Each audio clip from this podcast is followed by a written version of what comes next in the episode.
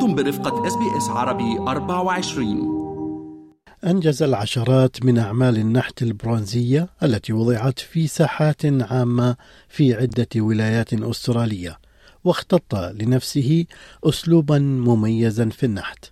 هذا هو الفنان والنحات أياد القره غولي الذي سيحل ضيفا علينا اليوم. مرحبا بك أياد. شكرا جزيلا. مرحب أنا أشكرك شكر جزيل.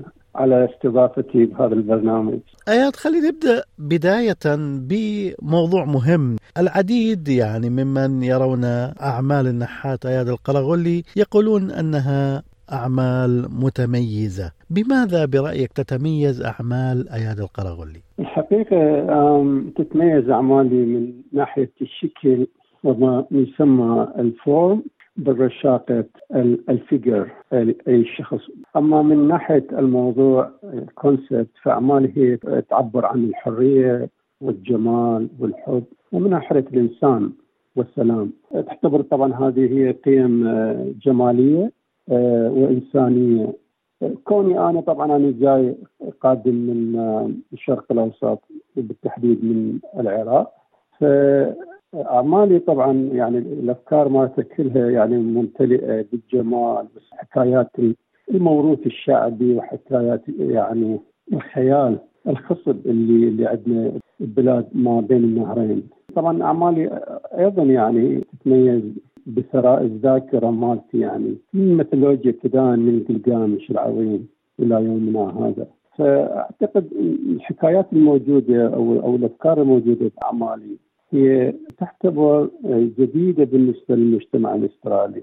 ذلك لأنني قادم من ثقافة مختلفة من بيئة مختلفة. فهذا يعني ممكن يثير الانتباه بأعمالي يميزها بالساحات أو في المعارض أو في المحافل سواء بأستراليا أو بالعالم. بهذه المقدمة أياد أعطيتنا فكرة عن مضمون معظم الأعمال مالتك اللي مثل ما تفضلت هي تتميز بالفوم الشكل وأيضا الفكر الشخص. وأيضا يعني لابد أن يكون هناك فكرة من خلال التركيز على هذين الشيئين في الأعمال تقريبا اللي تنجزها أو انجزتها لحد الآن. ما هي الفكرة وراء ذلك؟ طبعا أنا آه، حقيقة أنا من بدايتي دراستي بال الفن ببغداد أستاذي قال لي قال لي يعني هذه أول يعني محاضرة لي بفن النحت.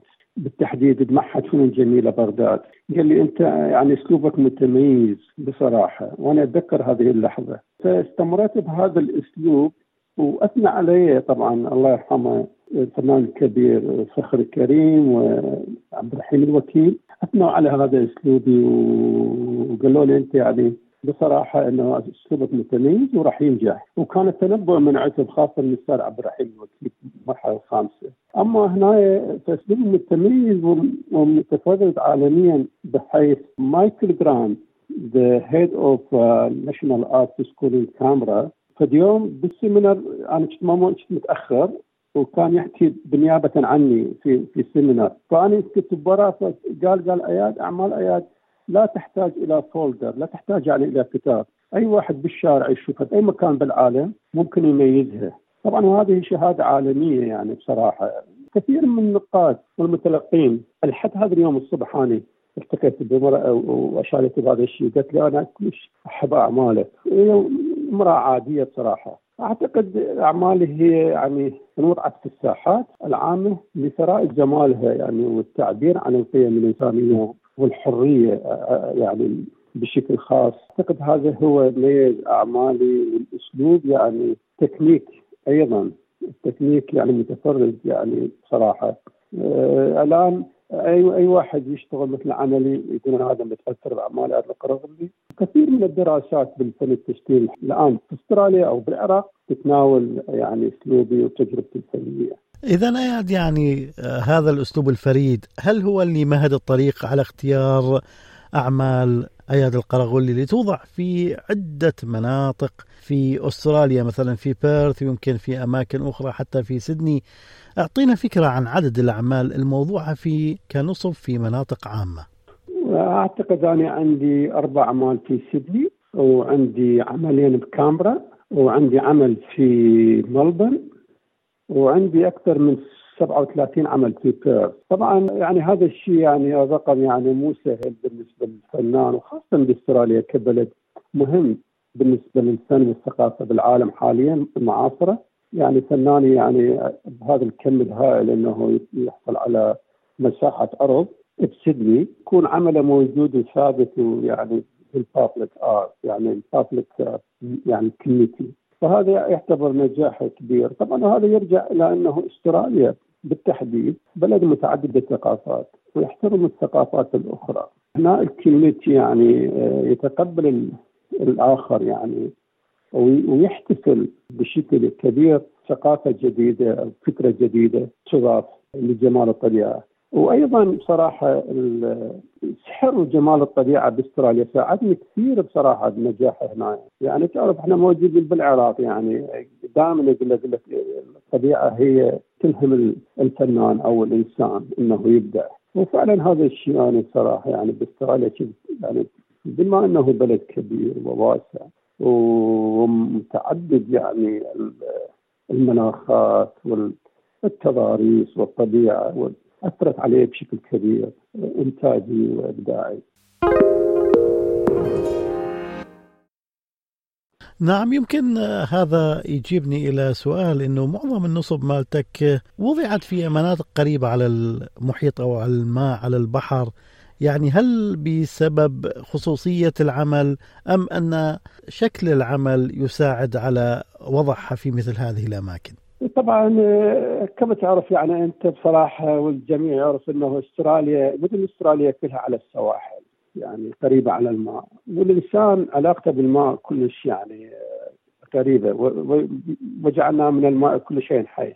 فالماء كلش يعني آه، ضروري بالنسبة لي. خاصة أنا أنا يعني ربيت طفولتي قرب نهر دجلة. يعني بيت أهلي بعد عن عن عن دجلة يعني مسافة حوالي 50 متر. فطفولتي كلها قريبه من الماء ولحد ما وصلت أنا لاستراليا وأنا حاليا أعيش قريب على البحر دائما بيتي يكون قريب على البحر وقريب على الماء. فالبحر هو جزء من من جمال أستراليا بصراحة. واللي يميز أستراليا أيضا هو جمال شواطئها من بونداي إلى كوتسلو إلى جولد كوست اختيار أعمالي بالنسبة للماء. هي أعتقد أنا يعني أحب هذا المكان لأن أنا اعمالي كلها يعني بفكرات طائرة شخوص طائرة. يعني أكو حرية اكو, أكو horizon بال يعني أفق ما بعد العمل مالتي. ممكن يعني ينطي العمل مالتي مساحة أوسع. يعني للمتلقي إنه يعني يستمتع بالعمل مالتي. إذا من فضاء الحرية وأيضا ذكريات الماضي هل تختزن ذاكرة أياد القرغلي يعني أشياء من الثقافة العربية لتضعها في هذه المنحوتات الجميلة يعني استوقفني مثلا عمل حمل اسم أنت عمري لماذا هذه التسمية؟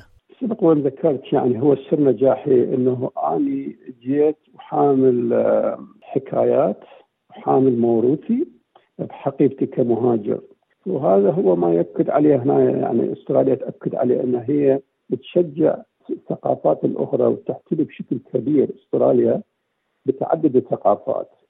كونها يعني كنز أو صراع يعني تسري أستراليا والثقافة الأسترالية.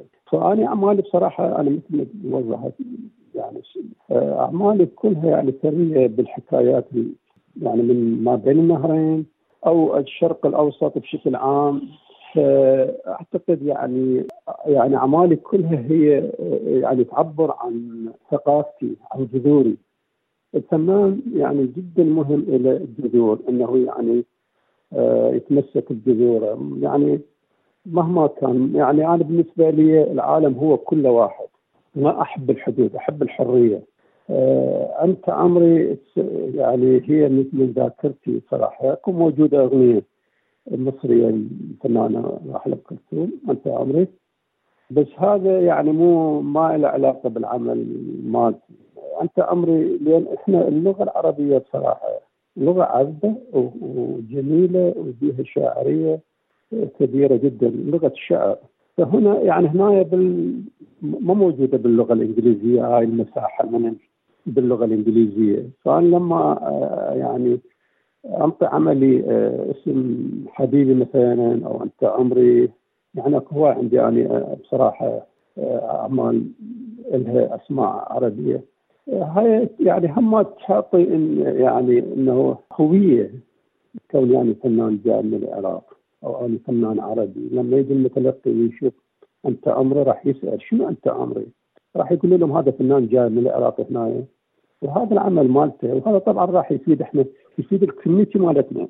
يعني أنا هواي اعرف عراقيين بس عراقيين يعني مصريين مغربيين إيرانيين يعني بصراحة يعني يفتخرون إنهم يشوفون هيك عمل وكذا من الشرق الأوسط.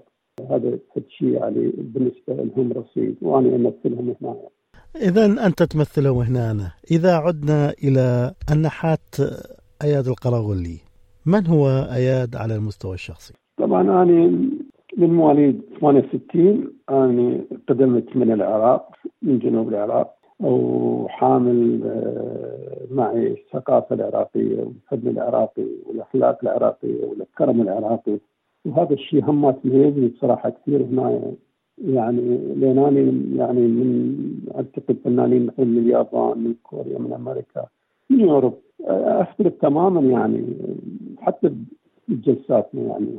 أنا قدمت من العراق كنت دارس بالفن بالعراق وإضافة لهذا الشيء. أنا درست في جامعة كيرتن هنا وهذا طبعا أنطاني رصيد دراسة تاريخ فن أسترالي كوني فنان عراقي أسترالي فأنطاني هذا الحافز درست. وكملت مسيرتي بصراحة هنا. إذا هي مسيرة مستمرة يعني ما الجديد؟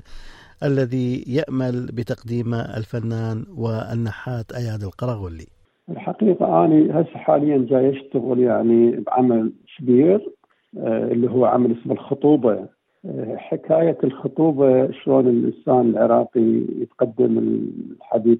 هذا العمل راح ينعرض بمعرض عالمي مهم من بين 70 نحات عالمي يعرض في آذار شهر آذار طبعا هذا العمل يعني جدا مهم بالنسبة للجالية العربية ولهنا يعني بالنسبة للجيل الجديد لأن هذا العمل يعني بالستيتمنت مالته يشرح انه كيف الإنسان العربي يتقدم إلى حبيبته ويكونون أسرة ويكونون عائلة سعيدة. نتمنى لك كل الموفقية النحات الأسترالي العراقي أياد القرغلي شكرا لك.